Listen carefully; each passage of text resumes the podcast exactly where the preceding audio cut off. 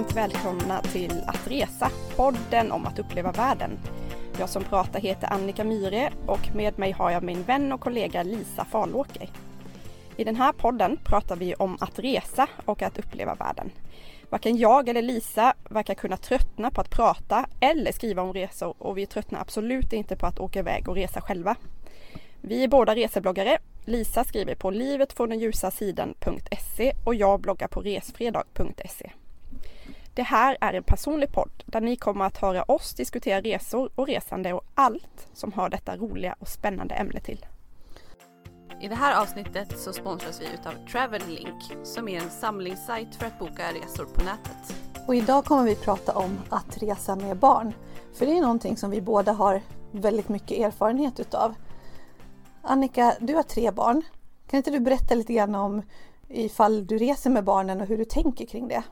Ja, jag har tre barn som är i åldrarna 7, 5 och 1. Och eh, det blir ju annorlunda beroende på hur gamla de är barnen. När vår äldsta son var eh, nyfödd då reste jag kanske inte jättemycket. Eh, andra barnet har, jag, har vi rest mer med och tredje barnen reser vi jättemycket med. Så de hänger liksom med. Mm, jag upplever lite samma. Man lär ju sig både som förälder och barn så blir man mer och mer van vid att resa så det är liksom en liten så här lärosak det där också.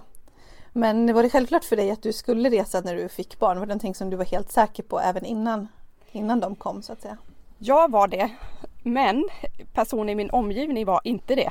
Så kan man säga ungefär. Jag reste väldigt mycket innan jag fick barn och tänkte inte sluta med det när jag fick barnen. Eh, däremot fick jag höra att du eh, jättekul att du reser och så. Men vänta bara tills du skaffar barn. Du kommer, du kommer varken ha tid, du kommer inte ha ork, kanske inte råd heller. Och eh, då tänkte jag, mm, jag ska nog visa dem. Livet mm. tar ju inte slut när man får barn utan på många sätt så börjar det ju faktiskt. Jag tror verkligen sjukt mycket att det där är en sån inställningsfråga. Många blir väldigt eh, mycket mer begränsade när de får barn och nästan sätter sig i en sån här inställning att ah, men nu är jag ju småbarnsförälder så jag kan inte eller det här går inte. Eh, och jag fick barn lite senare eller ja, i 30-årsåldern som är mer vanligt i, i Stockholm kanske medan eh, många av mina kompisar hemifrån som kommer från en mindre stad de fick barn lite tidigare. Så vi hade ganska många par och familjer i vår bekantskapskrets som vi kunde titta lite grann på. Eh, så, så vi var också så här, ja men de, de säger så här, ja men vi är småbarnsföräldrar så vi kan inte, men de verkar ju fortfarande kunna göra det här. Så vi tänkte jättemycket innan vi fick barn kring, behöver man verkligen begränsa sig på det här sättet? Och hur kan man tänka om man inte vill det? Jag förstår att vissa absolut inte har något behov av att resa och man tycker att barnen och deras rutiner kommer i absolut första, första läget. Och det, det gör det såklart, men samtidigt så om man inte vill begränsa sig sådär, om man vill till viss del fortsätta att leva på ett liknande sätt som tidigare och framförallt att resa precis som man gjort förut. Det borde ju gå, eller hur? Mm. Jag vet att det har blivit mycket diskussion kring det här begreppet inställningsfråga. För det, jag, är ju, jag tycker ju det i grunden också att det är en inställningsfråga. Sen så förstår man ju såklart, och det, det gör jag och du också Lisa, eh, att alla barn är olika. Och i huvudsak så handlar det såklart om att anpassa sig efter de barnen som man nu har råkat få. Och eh, i vårt fall så har vi haft jättetur. Vi har fått tre barn som har varit väldigt enkla att ha att göra med på alla sätt och därför har det varit lätt att resa med dem. Men hade jag, jag är ganska säker på om jag, att om jag hade haft inställningen att ah, nu måste jag sluta resa för nu har jag fått barn.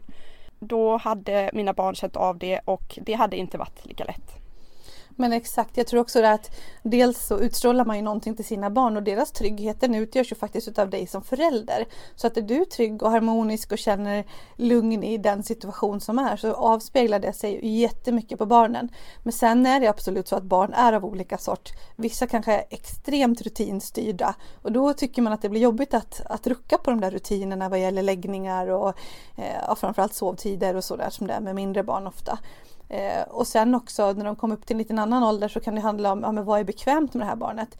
Vi åkte till exempel i princip jorden runt var borta i tre månader med våra barn när den yngsta var tio månader när vi åkte och den äldsta var tre och ett halvt. Och då tyckte jag att Stella, min äldsta dotter, ja, men hon var ju så stor, hon var så förnuftig, enkel att resonera med. Så att eh, det var ju inga konstigheter. Hon var ju så stor och enkel så att jag förstod inte varför folk tyckte att det var så himla eh, märkligt eller att vi verkligen utsatte oss för, för någonting som var jobbigt. För att hon var ju tre och ett halvt och superenkel och nu kan jag ju bara skratta åt det där. Tre och ett halvt är ju väldigt litet barn egentligen.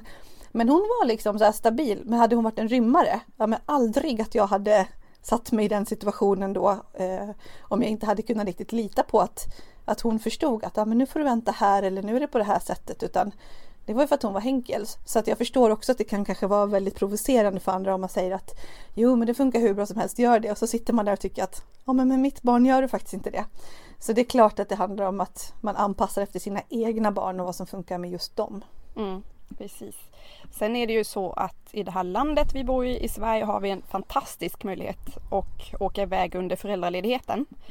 Och det tycker jag då att man ska utnyttja, ta den tiden tillsammans med sin partner och, och med barnen. Det blir ju ett, det blir ju en otrolig sammanhållning i familjen och någonting som faktiskt förenar en och ha en sak tillsammans. Åka iväg, man, är väldigt, man lever väldigt tätt in på varandra. Långt ifrån hämtning och lämning och stress och vardag, hämta, lämna, ja, hela köret. Ja, men det är bara det lyxigaste som finns. Barnen har verkligen tillgång till sina föräldrar och eh, då förmodligen båda sina föräldrar dygnet runt. Alltså lyxigare finns ju verkligen inte så det är verkligen en chans som, som man ska försöka ta just under föräldraledigheten. Det är ju perfekt. Mm, sen så är det ju så att om man har ett barn som är tio månader, i ditt fall när ni åkte till, till Nya Zeeland, då frågar jag mig om ni reser iväg för hans skull och för er tre och ett halvt årings skull eller reser ni iväg för er skull, för din och eh, ja, din mans skull? Nej men precis, det där är ju någonting som man jätteofta stöter på just när man pratar resor med barn. Så bara, men vem, vem skulle göra man det där för? Det där kommer ju aldrig barnen minnas någonting utav ändå. Det där kommer de inte ha någon behållning utav och det blir ju bara jobbigare för dem att rucka på rutinerna. Men jag tycker dels så här, nej det blir inte jobbigare för dem för att som sagt deras trygghet är där vi är. Så att det, de behöver inte så mycket mer. De här barnen har ju inte en aning om om de är på Nya Zeeland eller Fiji eller om de är i Sverige, i alla fall inte den minsta. Utan där handlar det om oss. Men behöver det vara för deras skull i övrigt då? Det är klart att det är för deras skull att, att ha tillgång till oss 100% utav tiden. Men givetvis var det här en drömresa som vi hade och de fick bara hänga på. Men jag kan bli, själv bli nästan lite provocerad av det åt andra hållet. Liksom, behöver det vara för deras skull? Vad menar man med det? Ska de behöva minnas det för att det ska vara värt det? Det tycker inte jag. Nej, glada föräldrar, det ger glada barn. Ja, absolut. Men sen tycker jag ändå att eh, jag har märkt att mina barn har förändrats under våra resor och det tycker jag är någonting som är superhäftigt. Till exempel på den här långresan då nu, just för att vi pratar om den då, som när Stella var tre och ett halvt. Eh, jag minns en händelse när vi precis hade kommit till just Nya Zeeland och vi parkerade med husbilen precis bredvid campingens lilla lekplats och hon gick ut för att leka där och vi satt utanför husbilen. Det här var precis bredvid så liksom hon kunde gå dit själv och så. Och sen kom hon tillbaka till oss och grät och eh, det visade sig att det var för att det var några andra barn som hade pratat med henne på engelska och det här tyckte hon var så himla obehagligt för hon förstod inte dem och hon förstod inte konceptet med annat språk på det sättet och så. Så hon tyckte det var jätteläskigt. Men bara liksom någon vecka eller några dagar, ja men säg någon vecka senare, då hade hon blivit så bekväm vid det här så att hon förstod att man hade olika språk. Hon började ta sig fram med kroppsspråk. Hon blev helt bekväm att gå och liksom beställa på engelska i baren och hon lekte med alla barn vi träffade överallt och, och socialiserade med vuxna precis på samma sätt som hon gör i Sverige. Men hon förstod att vi pratar på olika sätt. Så hon växte verkligen som person och det tog hon med sig. Och det finns också många minnen som de, eller som hon framförallt fortfarande kan prata om från den resan.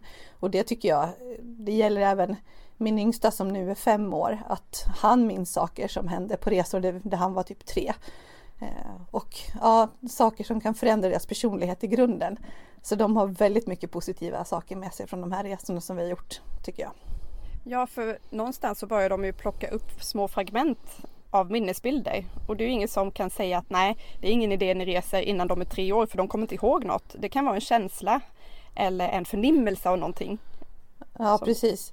Du vet, de kan se en bild på en fågel eller en fågel som äter och säger men en gång så åt en papegoja ur min hand och man bara ja men det var då när vi var där och du vet de har knappt sett bilder på det här men de kommer ihåg den typen utav, utav händelser, så små saker. Det tycker jag är fascinerande. Sen tycker jag också det är häftigt när de pratar om olika ställen. Att, ja men idag pratade vi på förskolan om Sri Lanka. Visst har vi varit på Sri Lanka? Så de vet kanske inte exakt vad det är men de känner igen namn och länder och eh, tycker att det där är ganska häftigt faktiskt. Mm.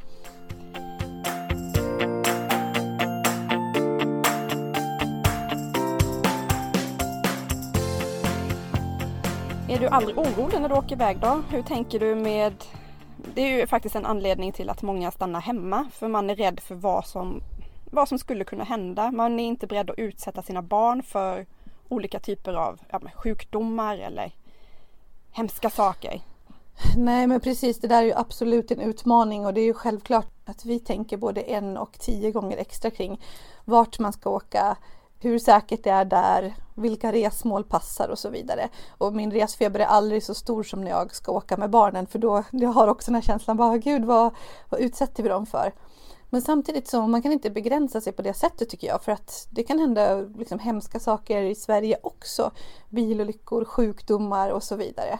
Så att eh, ja, tryggheten känns kanske lite större i Sverige och på ett sätt så är det läskigt att att ut, utsätta sig för, för andra saker men är man bara påläst och tycker det går bra. Och jag vet själv inför en av mina allra första resor, eller liksom där jag blev själv biten av resor när jag skulle åka på min första backpacking.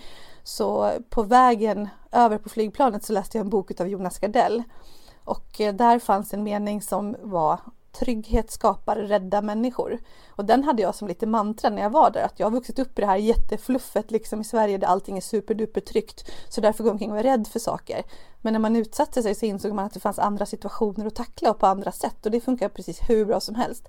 Så jag vill inte gå omkring och vara en rädd människa som knarkar trygghet utan ja, anpassa efter barnen och försöka våga för att eh, så farligt behöver det liksom inte vara. Hur tänker du? Nej men precis, man blir ju såklart lite extra nojig när det händer saker som, som världen ser ut idag. Det är terrordåd i, i, i storstäder och det, det händer massa konstiga saker. Och samtidigt så vet vi att det är, det är ju precis det här som, som de som gör de här sakerna vill att vi ska vara rädda för. De, de vill ingjuta rädsla i oss.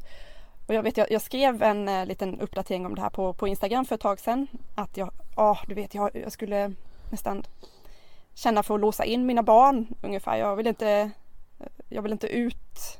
Jag vill bara stanna här i min trygga bubbla. Och, ehm, och då skrev en kompis till mig att det, men det är ju det här som du måste ut i världen. Du måste möta världen med kärlek och respekt. För det kommer eh, göra ringa på vattnet ungefär. Och, och, jag tror verkligen det. Om vi åker ut och visar att vi inte är rädda, möter människor med kärlek och respekt och visar våra barn att vi gör det, då tror jag på något sätt faktiskt att man kan göra världen till en bättre plats och visa barnen att, att det går. Ja, men absolut, jag håller med.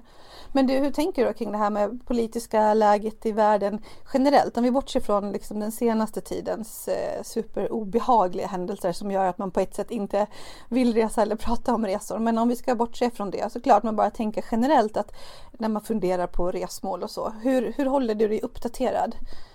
Både jag och min man är medvetna såklart om, om vi försöker hålla oss uppdaterade vad som händer genom nyheter och läsa tidningar, kolla jättemycket på internet innan man åker. Kolla med vänner och bekanta som kanske befinner sig på stället i fråga.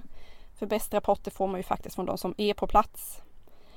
Sen finns det en app som jag upptäckte ganska nyligen som kommer från UD som heter Resklar. Som är en jättebra app där man kan gå in och, och läsa om hur det ser ut för tillfället på den aktuella platsen då. Så det kan jag tipsa om. Det är en gratis app som man kan ladda ner. Ja, det är verkligen ett jättebra tips. För man vill veta lite grann hur det politiska läget, vad är motsättningarna, vilka risker finns här? Och sen så såklart finns det andra delar också kring kriminalitet eh, som är en sak och eh, eh, trafiksäkerhet tänker jag på som en annan aspekt. Hur tänker du kring det? Har du med de bakåtvända bilbarnstolarna när du åker? Ja, i Amazondjungeln har jag med den till och med. Ja. För jag är från Sverige och då har vi det. Ja, Nej. exakt. Jag är faktiskt eh, dotter till en trafikpolis så jag borde ju vara väldigt nojig vad gäller trafiksäkerhet. Men det är jag inte.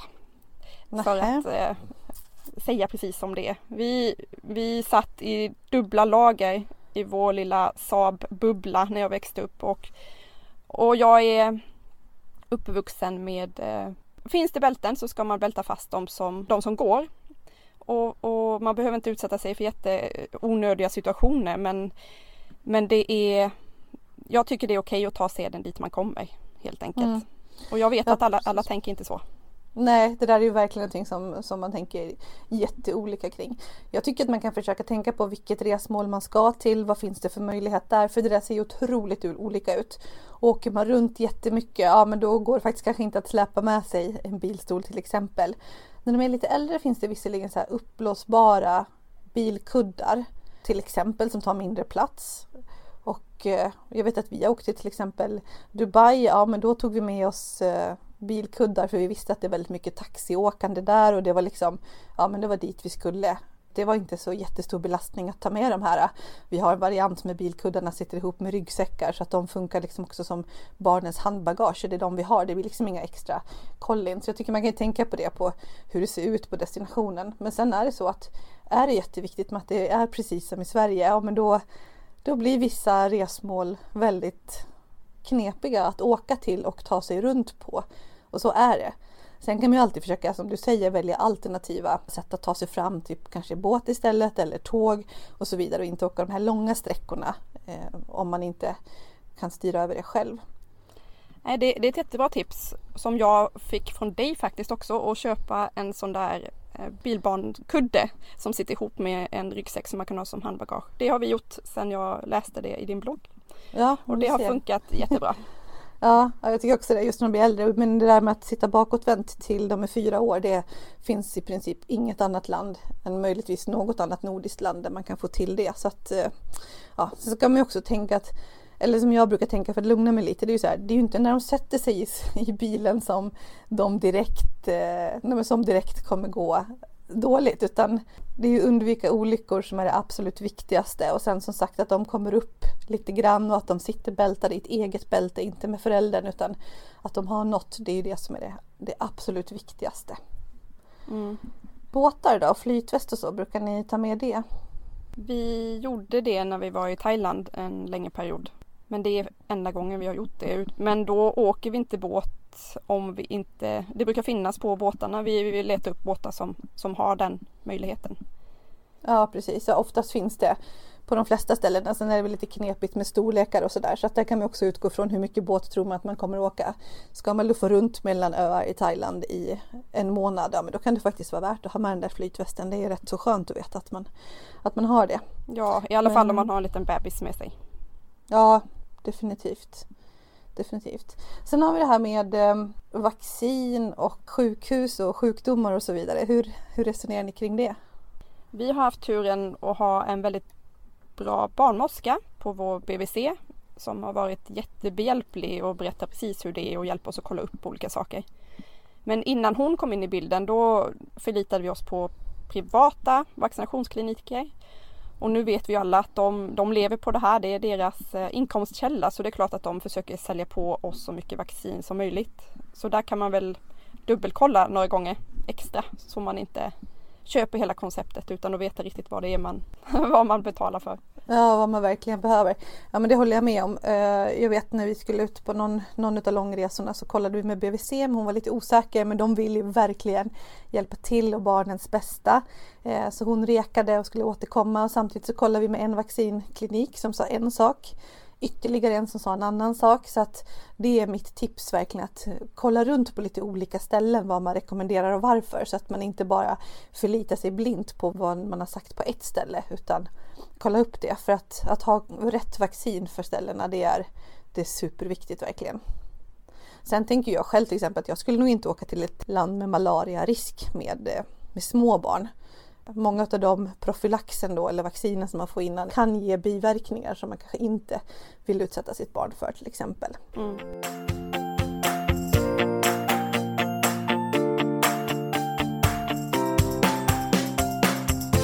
Sen så vill jag också ha koll på hur sjukvården fungerar eller finns det sjukhus i närheten? Eh, ska jag välja en ö på Filippinerna så kanske jag väljer någon där jag vet att det finns sjukvård i närheten. För att om någonting händer eller att man är där en natt med ett uttorkat barn med magsjuka, då vill man kanske inte att det ska vara en 40 minuters båtresa till närmaste sjukhus utan att man vill att det ska finnas mer lättillgängligt. Och att man vet lite grann hur det fungerar. Ja, för det är ju dumt att vara naiv och, bara åka iväg och tänka att det ordnar sig nog eller det händer nog ingenting för att eh, det brukar inte göra det. Utan... Nej, och då är det ju svårt att känna den där tryggheten som man också vill, vill förmedla till sina barn. Så att, att vara påläst och ha kollat på de här sakerna är ju någonting som gör att man kan resa på ett mer avslappnat sätt. Helt klart. Sen ska man såklart kolla sina försäkringar också så att de gäller så länge som man är borta. Att man har koll på det. Ofta så brukar hemförsäkringen gälla i 45 dagar utomlands. Det är därför man kollar med sitt försäkringsbolag. Men om det blir längre så behöver man köpa till extra försäkring. Jag sitter just nu faktiskt och kollar mycket på försäkringar. Vi åker till Thailand i tre månader nu i januari och det är jättestor skillnad på prisnivåerna. Så det gäller att verkligen läsa på för att man får såklart en massa olika, olika typer av skydd beroende på hur mycket man betalar och hitta en, en bra nivå där. Det är lite pilljobb men det är det absolut värt i slutändan. Ja, man vill få det bästa, bästa försäkringen utan att betala precis hur mycket som helst. Så det finns ju pengar att spara såväl som trygghet att köpa sig till. Det är ofta en, en kostnad som jag har förmåga att glömma bort när jag, jag mina, presenterar mina resebudgetar för min man. Ja men det här kommer bli, det kommer inte kosta så mycket och så, så kommer de här små extra utgifterna. Vaccinen och försäkringarna och sådär. Ja jag förstår helt. Men sen generellt vad gäller tryggheten och resa med barn, alltså man ska ju vara medveten om att gå över en gata i Australien det, eller i Sydney, det är samma sak som att gå över en gata i Stockholm. Så när mina föräldrar, alltså barnens mor eller farföräldrar, de är ofta lite oroliga och frågar så här, men gud ska ni släppa med barnen på det här? Och det låter så läskigt för att det är så långt borta. Så är det liksom, det är vardag på de här ställena också. Så att otryggheten blir inte enormt mycket större bara för att du är i ett annat land utan det fungerar på samma sätt där och förmodligen har du bättre koll på ditt barn om ni är i en lekpark i Hongkong för att du själv känner lite grann att här måste jag verkligen ha pejl på läget för jag är inte helt hemma i den här miljön. Mot om du är på lekparken i närmaste stadsdel. Liksom. Ja, och det behöver ju inte vara så att man åker iväg på värsta jorden runt-resan kanske det första man gör utan får man sitt första barn. Jag började till exempel med att åka iväg till Karlskrona eh, med tåg från Stockholm och det var världens grej för mig trots att jag hade rest mycket. Det blir en jättestor omställning att få barn. Det är hur mycket packning som helst, det är barnvagn och det är ja, hela köret och man blir ganska svettig när man har två byten tight och allt ska med och så ska man amma mitt upp i alltihopa. Sen när man har blivit van vid det då kan man kanske köra vidare och eh, våga sig på, i mitt fall åka till England och då fick jag skjuts till flygplatsen till Skavsta och så blev jag upphämtad på flygplatsen där. Så ja. man får liksom smyga igång lite grann om man nu Exakt. inte vill köra. Jag vet inte, hur, hur gjorde du med ditt första barn? Jag skulle bara säga att och sex år senare så åker du till Taiwan i tio dagar med din sex månaders eh, själv eller med en kompis men är liksom inte med den andra föräldern eller så. Så att ja, det utvecklas ju uppenbarligen. Ja, nej men jag gjorde likadant. Så jag vet att jag i min föräldragrupp eh, med mitt första barn så var det en annan mamma som hade fått sitt andra barn precis och eh, hon satte sig på tåget med dem och skulle åka upp till Norrland någonstans. Själv med de här båda barnen på tåget och jag vet att jag tyckte att hon var ju helt, hon var ju från vettet. Det skulle jag aldrig göra. Men eh, efter ett tag kände jag mig bekväm att åka tåg också med min lilla bebis och Sen åkte jag till London med henne själv när hon var typ åtta månader kanske någonstans och hälsade på en kompis där. Så det var första resan och sen så gjorde vi en lång resa till Thailand eh, i samband med att vi bytte föräldraledighet mellan mig och eh, min man. Så vi var där i en och en halv månad tror jag. Och då kände vi att det här gick ju jättebra. Så nästa barn, om vi får ett till barn, då ska vi ta en riktigt lång föräldraledighet och göra en riktigt lång resa. Och så gjorde vi det och det kändes ju precis hur lugnt och bra som helst. Och sen så har vi efter det inte känt några begränsningar i princip. Men, så att absolut att man blir mer van. Men smög ni inte in någon liten charter sådär i början? Det är ju ändå ganska vanligt att man gör det. Ja, men det var vi nog på också där. En, en veckas charter där när hon var mindre än året. Så att absolut, det var lite steg för steg. Och jag skulle säga att det gäller barnen också, att de blir också mer och mer vana vid att resa när min dotter blev, hon var fem år, eh, då skulle hon flyga, ja, nästan sex tror jag, då skulle hon flyga själv ner till eh, sina farföräldrar i Skåne från Stockholm. Och det här tyckte hon kändes lite läskigt, men hon var ju rätt van att flyga. Men hon sa liksom i början på sommaren att men jag ska flyga till, till, till farmor och farfar. Men du får inte prata om det för då, då blir jag nervös. Så att hon hade ju resfeber och tyckte det här var läskigt. Mm. Sen, ja det var lite gulligt. Sen på sommaren så flög vi till Eh, Italien på semester. Och då när vi åkte hem på flyget så sa hon så här, nu kan vi prata om det här med att jag ska flyga till farmor och farfar. Jag blir inte så nervös längre. Så att då hade hon liksom fräschat upp de här kunskaperna och kände sig väldigt bekväm med det. Så att ja, de, de blir också trygga och lär sig av situationerna. Ganska häftigt.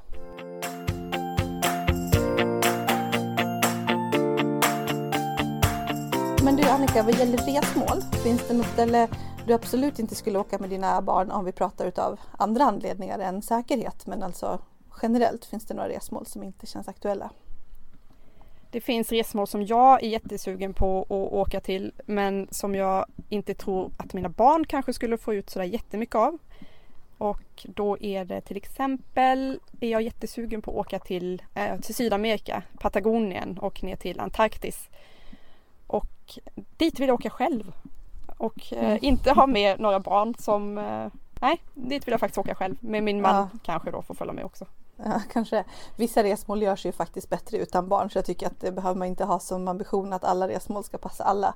Och jag tycker också man kan välja väldigt aktivt. Jag menar hela världen ligger öppen för ens fötter. Där har vi en stor eh fördel jämfört med våra föräldrar till exempel där det var mycket mer begränsat. Man kan ju i princip titta på ett jordklot och bara vart vill vi åka nästa gång? Med en lite stark målbild liksom så. Eh, men sen finns det vissa ställen som jag också tycker att det inte är värt och jag tänker till exempel så här Safari, det har jag faktiskt aldrig gjort och skulle så gärna vilja göra. Men att ha de här barnen som, som är under 7-8 år någonstans, säg 5-7 år som ska sitta helt tysta i en bil. De får inte gå ut om de behöver gå på toaletten till exempel. Alltså, de behöver kissa. Bara, nej, man får inte gå ut här på savannen. Så det skulle vara jättejobbigt. Sen vet jag att det finns sådana resor som är mer anpassningsbara. Men jag skulle känna att nej, ska jag göra det så vill jag göra det på ett riktigt bra sätt. Och det tycker jag inte att det, att det är värt med mina barn till exempel. Mm.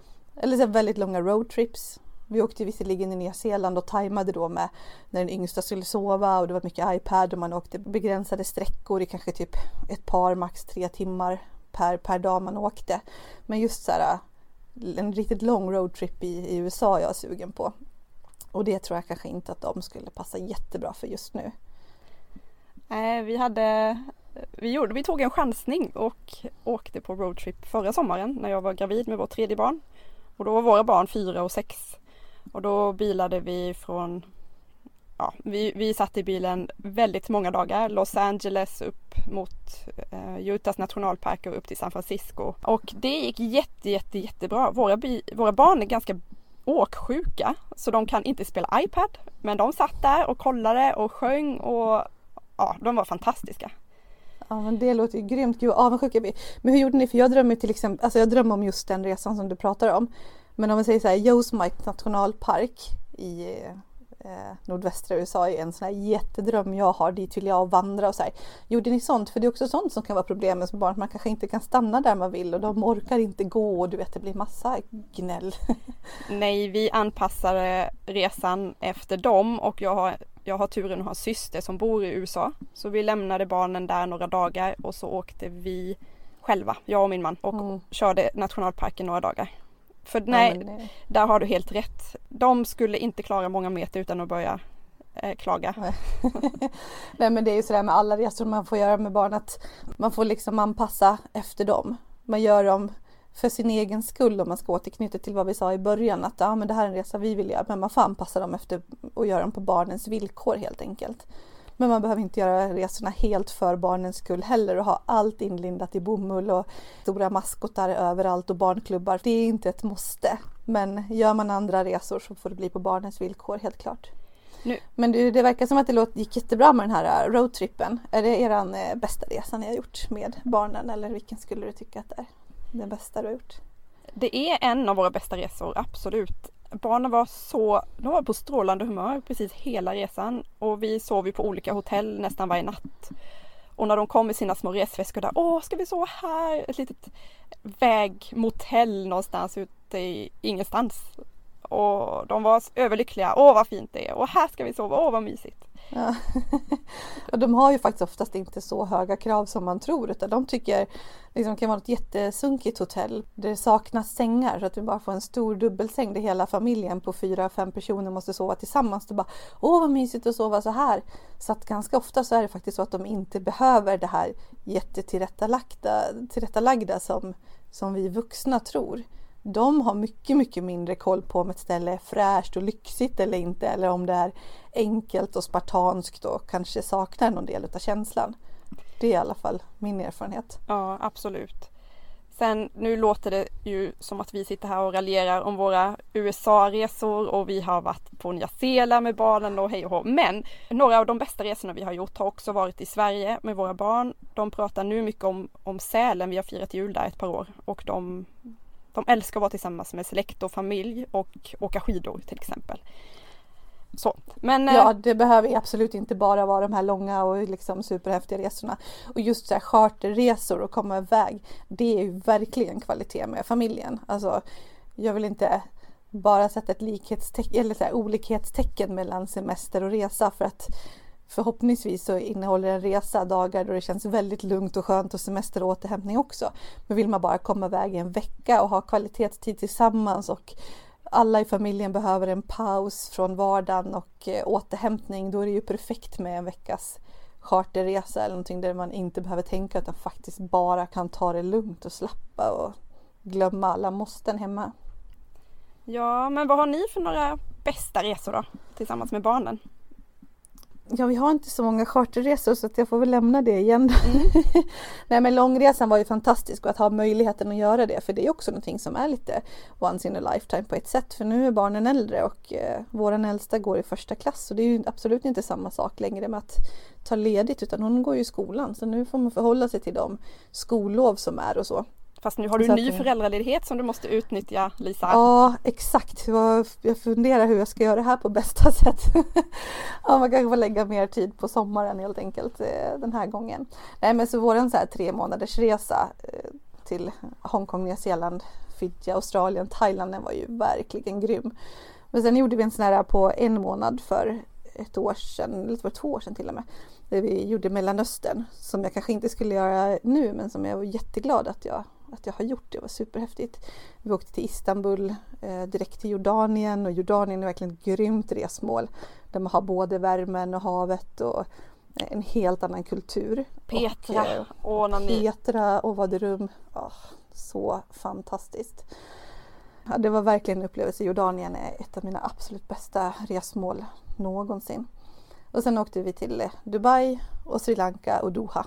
Och det här låter ju väldigt spritt men det är liksom i samma region så att eh, vi hittade många så ganska korta eh, lokala flygbolag som var ganska billiga så att vi tog oss från de olika ställena så att det var ju jättebra att passa på att göra ganska mycket på en och samma gång. Och hur var det att ha med barnen på den här resan?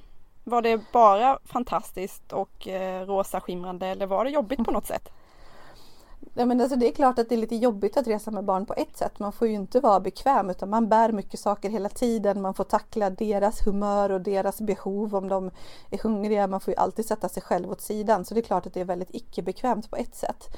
Sen upplever jag att de, de var superenkla och tyckte att det här var jättekul. Och, Eh, de fick också massa insikter. Det var jättehäftigt att prata om eh, kulturen, den arabiska kulturen med dem och allt från liksom kvinnor i burka och hijab till män i klänning och eh, böneutrop och så vidare. Så att, nej men de, det var jättehäftigt. Men det är ju en typ av icke bekväm resa. Jag skulle nog inte rekommendera det för alla.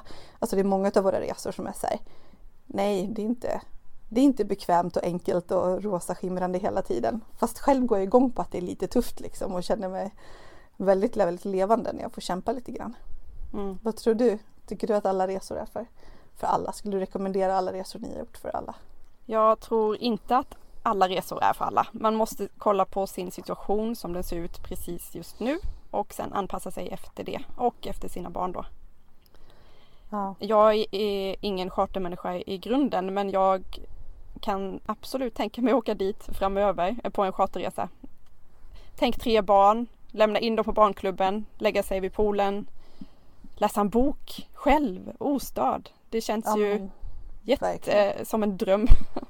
Ja, det låter helt magiskt och jag tror nog att vår nästa resa kommer vara en charterresa förmodligen.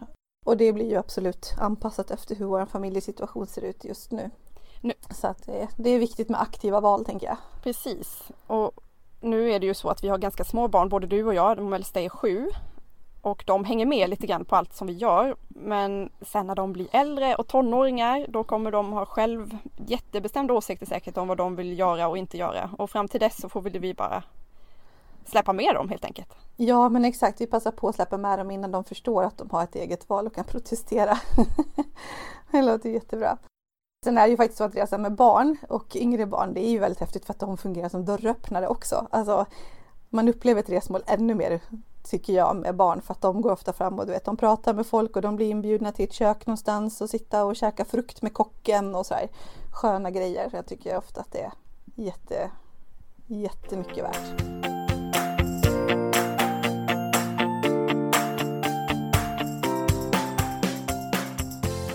Annika, men det här med att flyg, resa med barn och på flyget och sådär är ju någonting som många ty- kan tycka att det är lite jobbigt att utsätta sig för.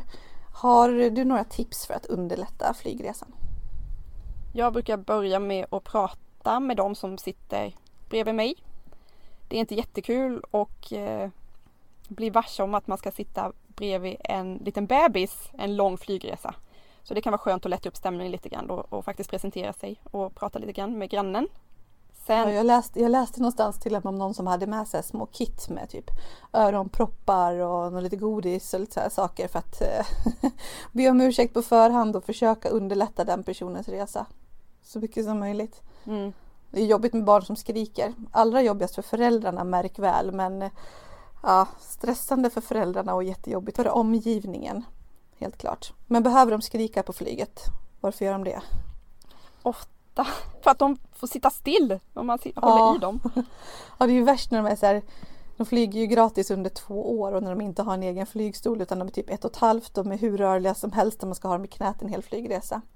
Men jag tänker också på så här med tryckutjämningen, att det kan ju vara att de faktiskt får ont i öronen. Och eh, då är det alltid bra med att aktivera sväljreflexen. Så för bebisar, amma, suga på en napp, dricka någonting i en flaska. Och för lite större barn, tuggummi, lär dem att tryckutjämna. För det är oftast det som de är missnöjda utav.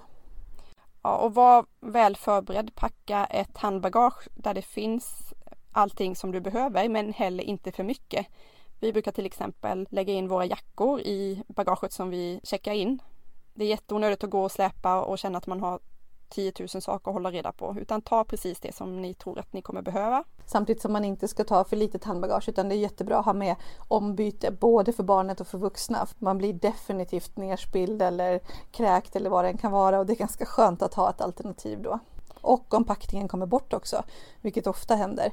Stå där med en resväska som inte har kommit med de här viktigaste sakerna, nej, då är det bättre att ha liksom lite extra blöjor och eh, någon extra mat åt barnet och så. Mm, tandborste brukar vi alltid ha med och extra underkläder till alla.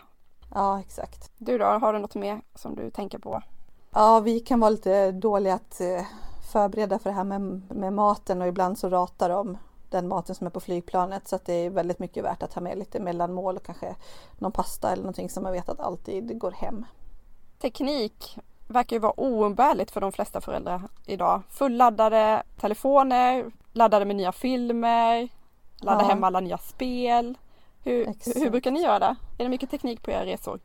Ja, men det är det absolut. Jag tycker att eh, det är inte barnen som har valt att man ska åka så där riktigt och långt och länge så att varför ska de inte få underhålla sig på ett sätt som de vill liksom. Så att absolut att vi har med iPads och så. Men sen tycker de också om pysselböcker så alltid någon ny pysselbok inför att vi ska ut och flyga lite längre och så där. Det kan de sitta med hur länge som helst. Sen vet jag också många som tipsar om så här små paket med lite underhållning i och kanske lite små pyssel. Så att, att det kommer någonting nytt, det är faktiskt inte fel. Nej precis, att, som du säger med paketen, att man faktiskt slår in med omslagspapper för det är ett extra moment som tar lite extra tid. Mycket Mm. snöre och sådär så det tar lång tid. Exakt. Och sen om de är mindre så ska man se till att eh, boka så här babykott på förhand. Det vill säga att det är en liten korg som man kan fästa på väggen i, i flygplanet. Så att eh, om man flyger reguljärt så beställer man det på förhand och säger att man åker med ett, ett litet barn. Och eh, när vi åkte på en lång resa och eh, hade väldigt många flygningar så fick vi det på varenda resa. Och de var lite olika utformade. Ibland var det en liten korg som man kunde lägga barnet i och sova och ibland var det mer som en, ett babyskydd, en sån här liten barnstol där de satt halvt upprätta. Men otroligt, otroligt mycket värt verkligen. Sen även om man betalar extra för det och bokar det på förhand så är det inte säkert att man får. De utgår lite grann ifrån vilka som har störst behov. Och eh, på charterresor vet jag att det kan ofta vara först till kvarn och så vidare. Men försök tänka på det redan vid bokningstillfället att, att beställa det när man har ett litet bebis. För det, det går inte automatiskt även om du har ett litet barn. Just det, jättebra tips. Ja, sen tycker jag också att det kan vara värt att kolla lite extra på vilka tider man flyger. Det är ju jättemycket värt att flyga nattetid till exempel, långa sträckor. Så även om det kanske är lite dyrare så kan det definitivt vara värt för att få en smidigare resa. Och samma sak med mellanlandningar, att man kollar aktivt vilka tider som gäller. Och ibland kan det vara värt att ha en mellanlandning så att man vet att barnen får springa av sig om det är en lämplig tid. Och ibland tvärtom, att man bara vill från punkt A till punkt B direkt och betala lite extra för att slippa den här mellanlandningen. Ja, ett annat bra tips kan ju faktiskt vara att köra en hotellnatt i anslutning till flighten om man åker jättetidigt på morgonen. Att man får en god natts sömn i alla fall några timmar innan man drar iväg. Mm. Sen är det många tycker jag som brukar fråga om så här tidsomställning och så. Jag har inte upplevt det som några jättestora problem man får försöka styra barnen så gott det går. Det är svårt med de här otroligt rutinfasta barnen, men eh, att försöka att själv ta lite action på det. Att vara vaken ett par timmar längre och göra si och så här. Nu tänk steget före, kanske redan flera dagar innan man börjar närma sig ett ställe.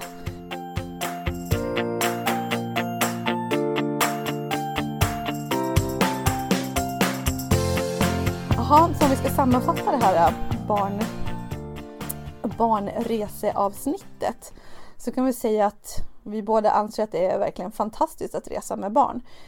Det är kvalitetstid med familjen, du kan få helt nya upplevelser tillsammans och barn kan faktiskt också vara dörröppnare som gör att eh, du får ut ännu mer av resan än du skulle ha gjort om du reste utan dem. Och även om inte resan i sig är för dem så kan det ge dem mycket såväl som de vuxna. Att de faktiskt lär sig nya saker och eh, utvecklar utvecklar av sina personligheter och får många fina minnen. Och det gäller ju såklart också att anpassa sig efter sina egna barn och man måste alltid vara beredd på att ändra sina planer.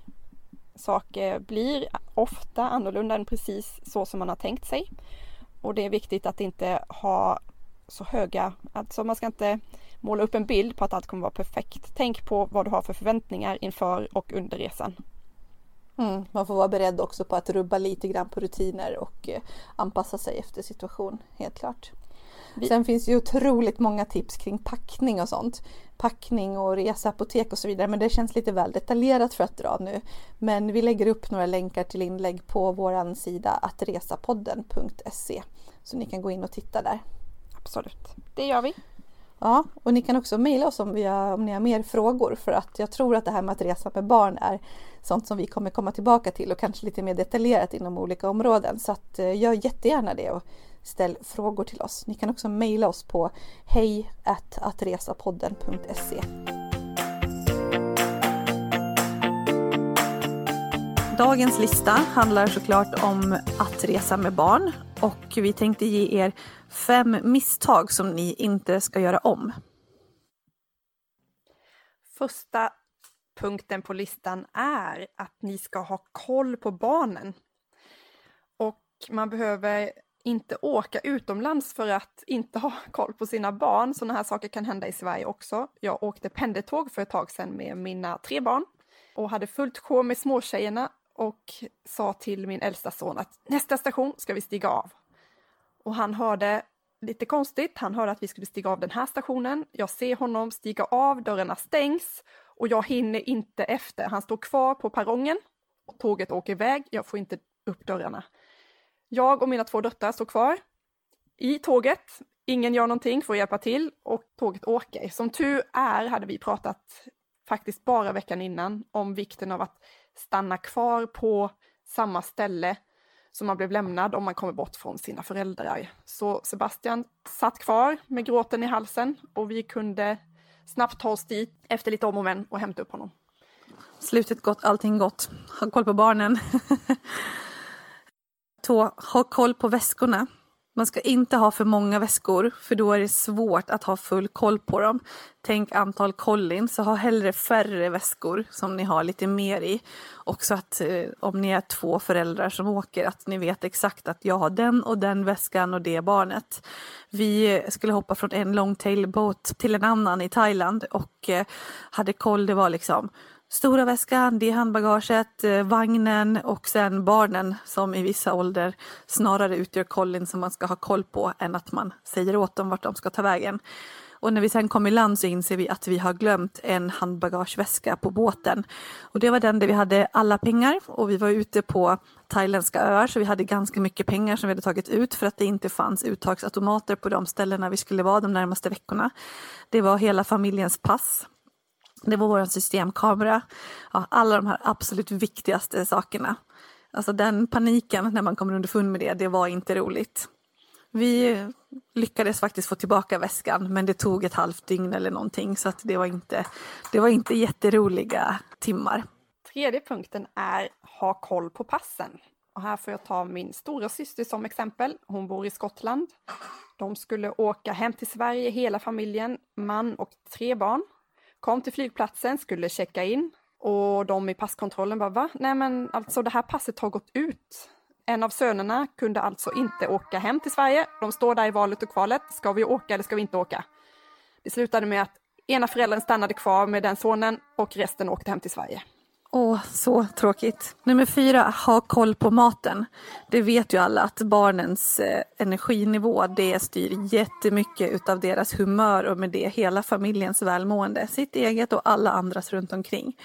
Och vi har flera gånger liksom inte tänkt på det utan ja, ja, vi köper väl något på flyget eller flyget är bara tre, fyra timmar.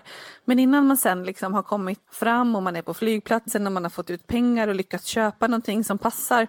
Det kan ta sin tid. Och det har hänt flera gånger att vi har varit lite slarviga med det där och eh, att våra barn har blivit jättehungriga. De kanske har helt dissat den flygplansmat som serveras. Vi har också glömt några gånger att säga till flygbolaget om att det är barn, vilket annars när man flyger reguljärt kan innebära att de får en specialmeny. Så sitter de där och ser hur andra barn får jätteroliga barnpaket men de själva inte får det för att vi inte har angett. Jag tycker att det är supermycket värt att ha med lite pasta och kanske några köttbullar i en varsin matlåda som de kan pilla med och alltid ta fram om eh, energinivån sjunker. Så även om man flyger och det kan vara lite olika kring vad som är okej att ha med sig eller inte så är det värt att ha lite extra mat med sig till barnen som man vet att, att går hem så att de inte faller i de här energiluckorna. Blodsockerfallet. Exakt. Sista punkten på veckans lista är Ha koll på blöjan. Jag flög med ett av mina barn till England och eh, det här barnet grät absolut hela resan och det var mitt första barn. Jag var helt förtvivlad. Jag blev mer och mer svettig och jag visste inte vad jag skulle ta mig till och jag gjorde allt tänkte jag. försökte, jag försökte amma, han ville inte amma och jag försökte med välling och han ville inte dricka välling. Och jag luktade på blöjan och det var, fanns inget där. Precis innan vi skulle landa så gick jag in på toan och bara, nej men jag måste kolla i blöjan. Och mycket riktigt, mm, världens bajs som inte jag hade märkt och han var jätteröd och jag kände mig som världens sämsta mamma. Hade jag bara öppnat blöjan från början så hade vi kanske sluppit den där ångesten. Ja. Så ja, det var, var sista tipset. Man får dubbelkolla de där riktigt banala sakerna som man tror att det är det grundläggande man har koll på helt enkelt.